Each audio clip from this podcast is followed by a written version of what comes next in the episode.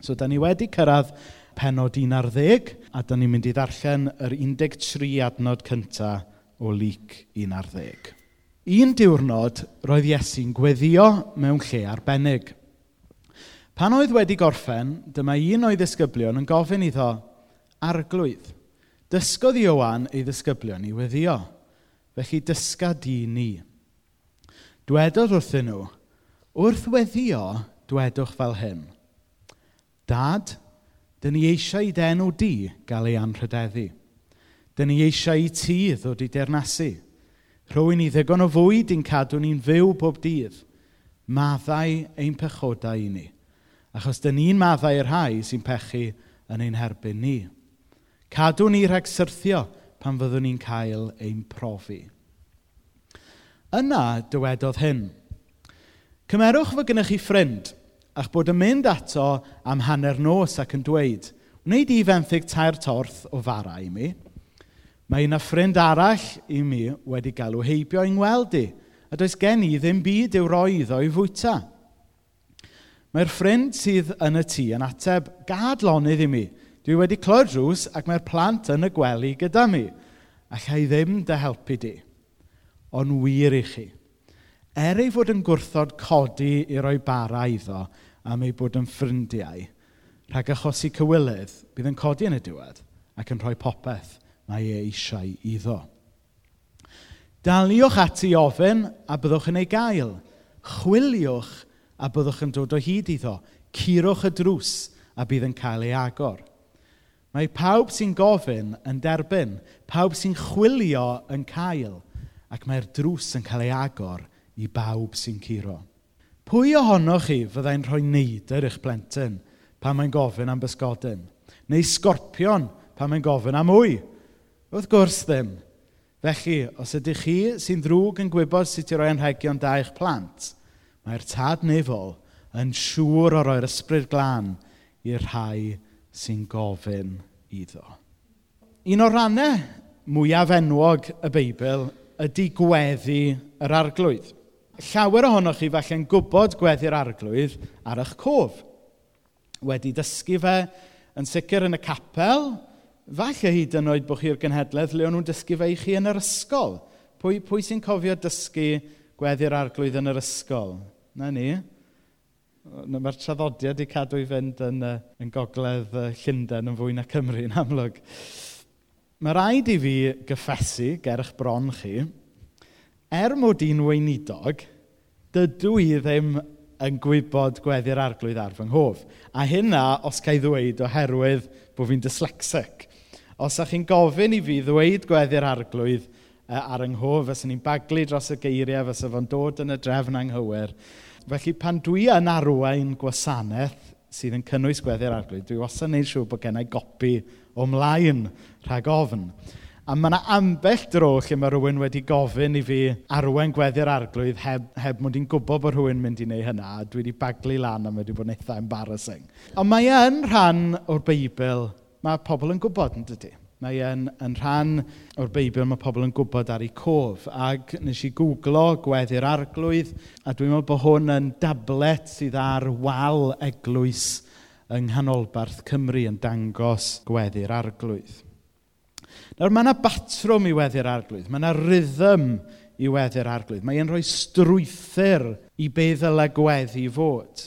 Ond dwi'n meddwl bod yna rhywbeth am fawredd gweddi'r arglwydd yn cael ei gochi hefyd pan i ni'n gyfyngu fe jyst i fod yn rhywbeth i ni falle'n adrodd fel robot gyda'n gilydd ar adegau arbennig. Achos mae gweddi'r arglwydd yn rhyw fath o fanifesto.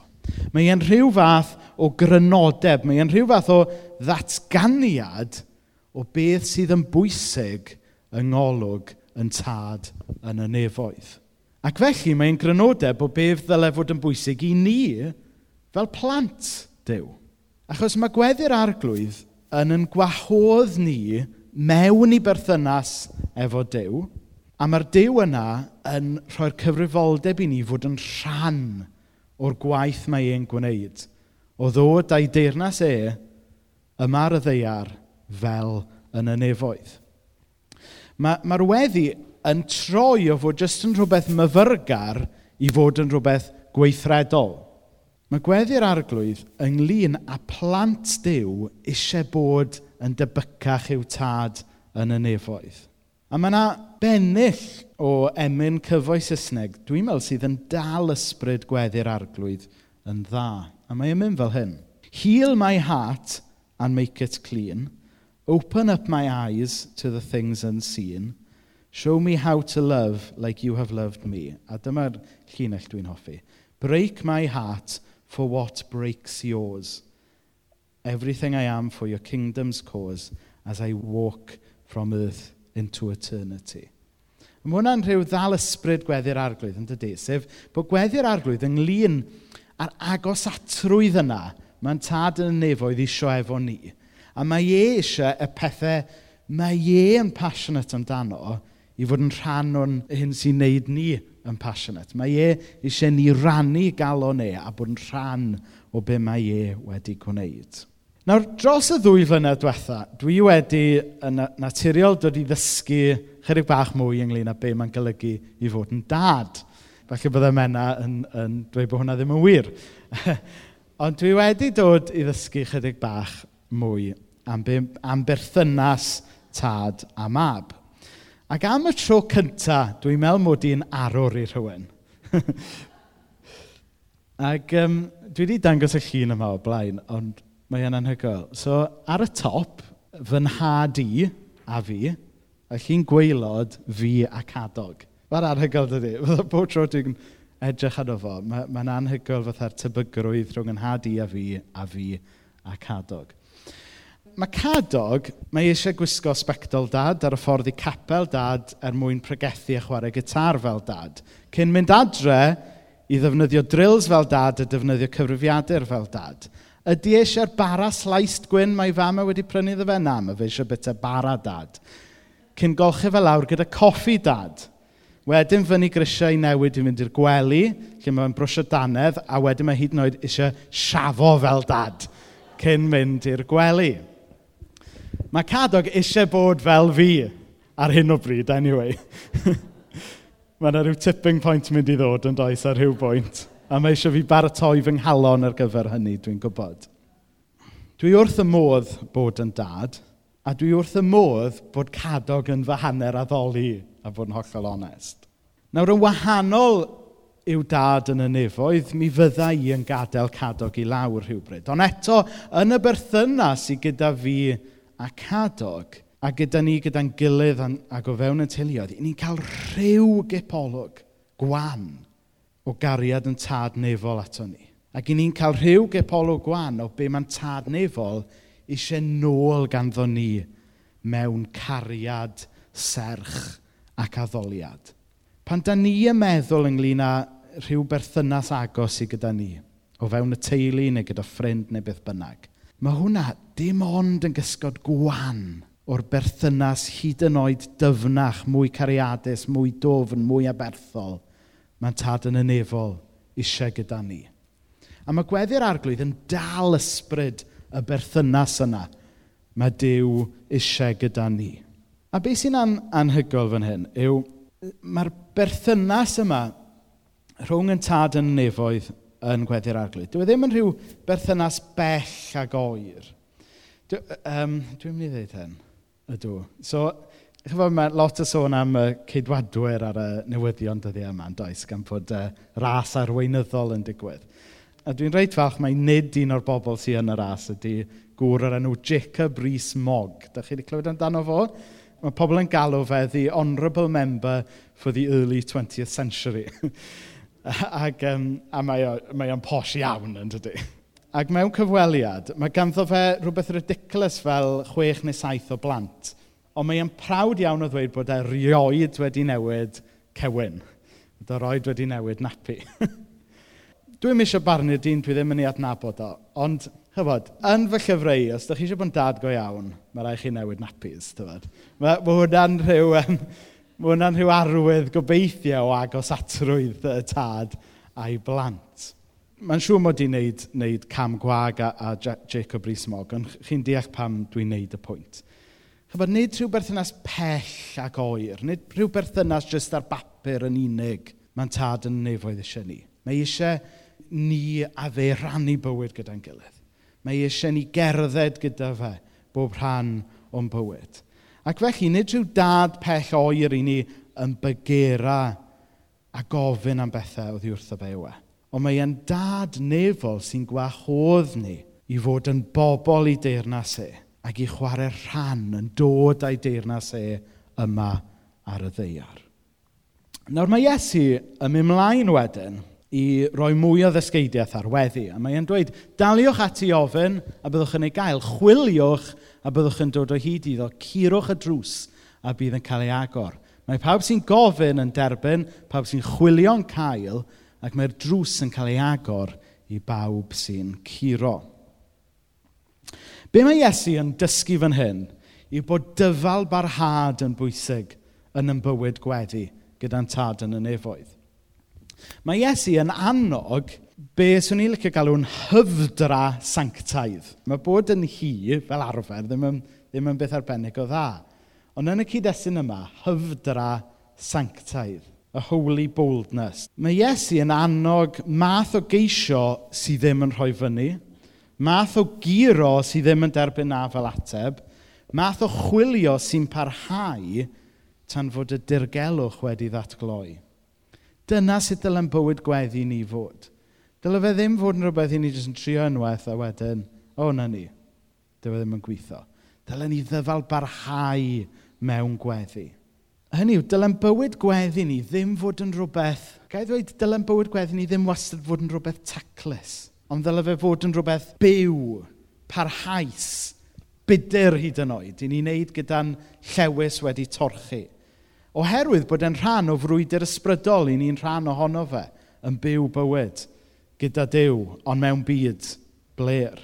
Ond wrth gwrs, mae sôn fan hyn am ddyfal barhau mewn gweddi. Ond mae hwn yn cyffwrdd cwestiwn anodd ynglyn â sut mae Dyw yn ateb gweddi. Achos am bob gweddi i ni'n teimlo mae Dyw yn ateb, da ni gyd wedi profi hefyd adegau lle dydy gweddiau ddim wedi ateb, neu ddim wedi ateb yn y ffordd da ni yn ei disgwyl.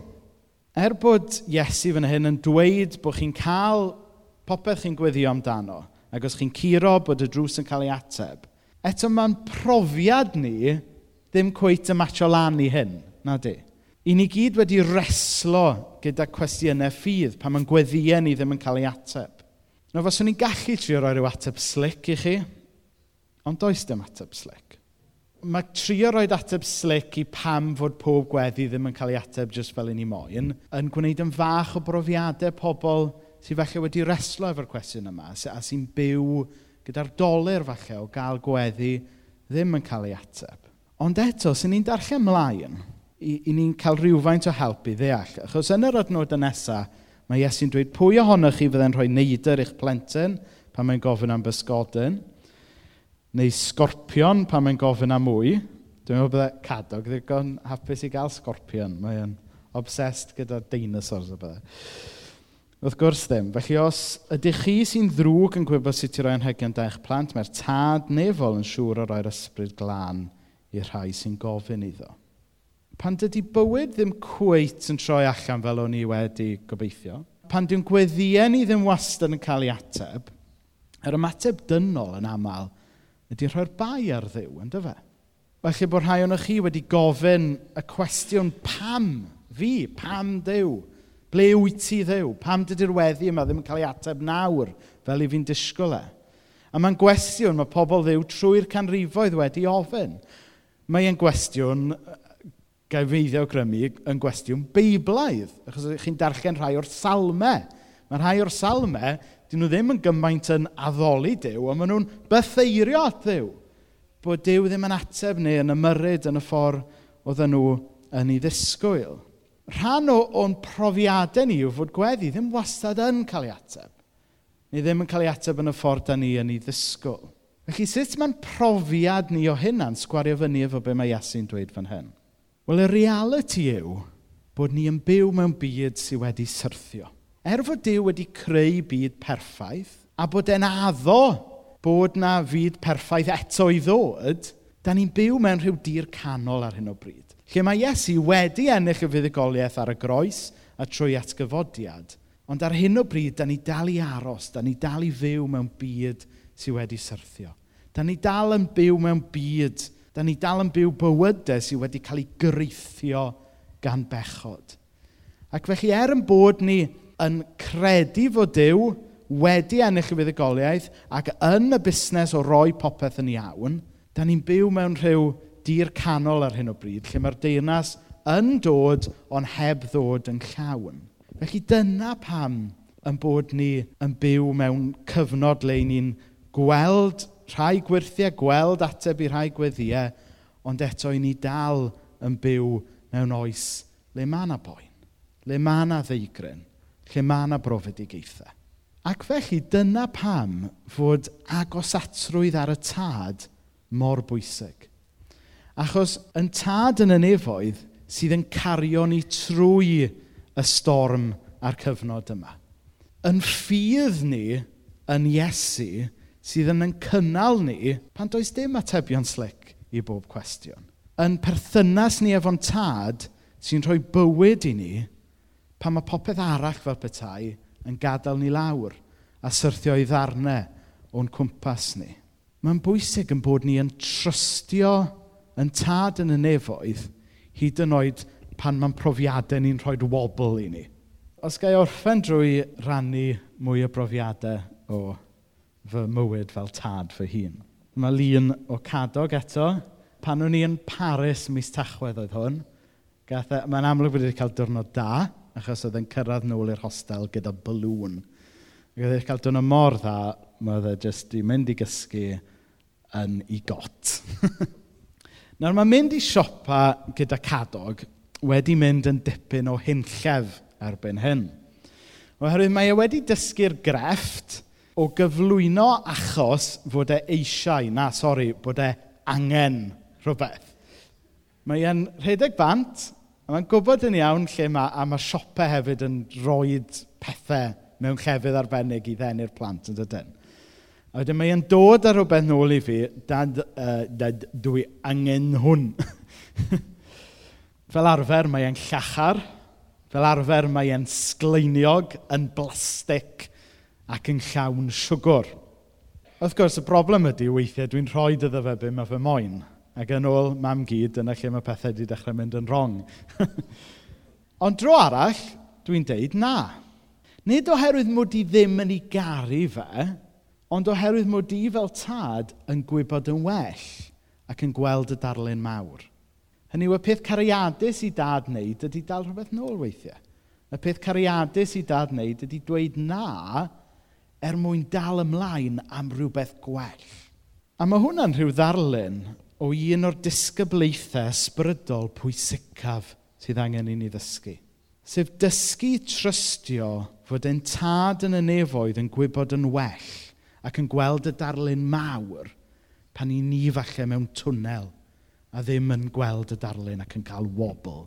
Mae e'n ddisgyblaeth ysbrydol i drystio Dyw pan mae'r tir yn ysgwyd o dano ni.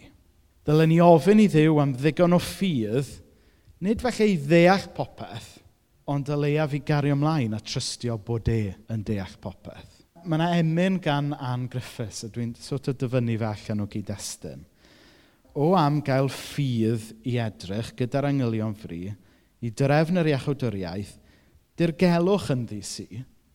Mae lot ynglyn â dew a pethau dew a'r byd ysbrydol yn ddirgelwch. Does na ddim atebion slic.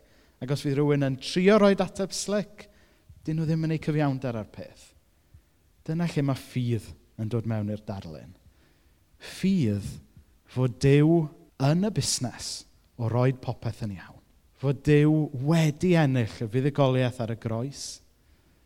A mae'r oll y gallwn ni wneud pan mae'n byd ni'n teimlo fod bod yn siglo dan yn traed ydy trystio fod Dyw yn gwybod be mae e'n wneud. Felly mae gweddi'r arglwydd yn, yn ddefnyddiol i ni diwnio mewn i be sy'n bwysig iddo fe a gwneud hynna'n bwysig i ni. Mae gweddi'r arglwydd yn atgoffa ni fod yn tad yn y nefoedd eisiau perthynas agos gyda'i blant ar y llawr. Er mwyn i enw. Amen.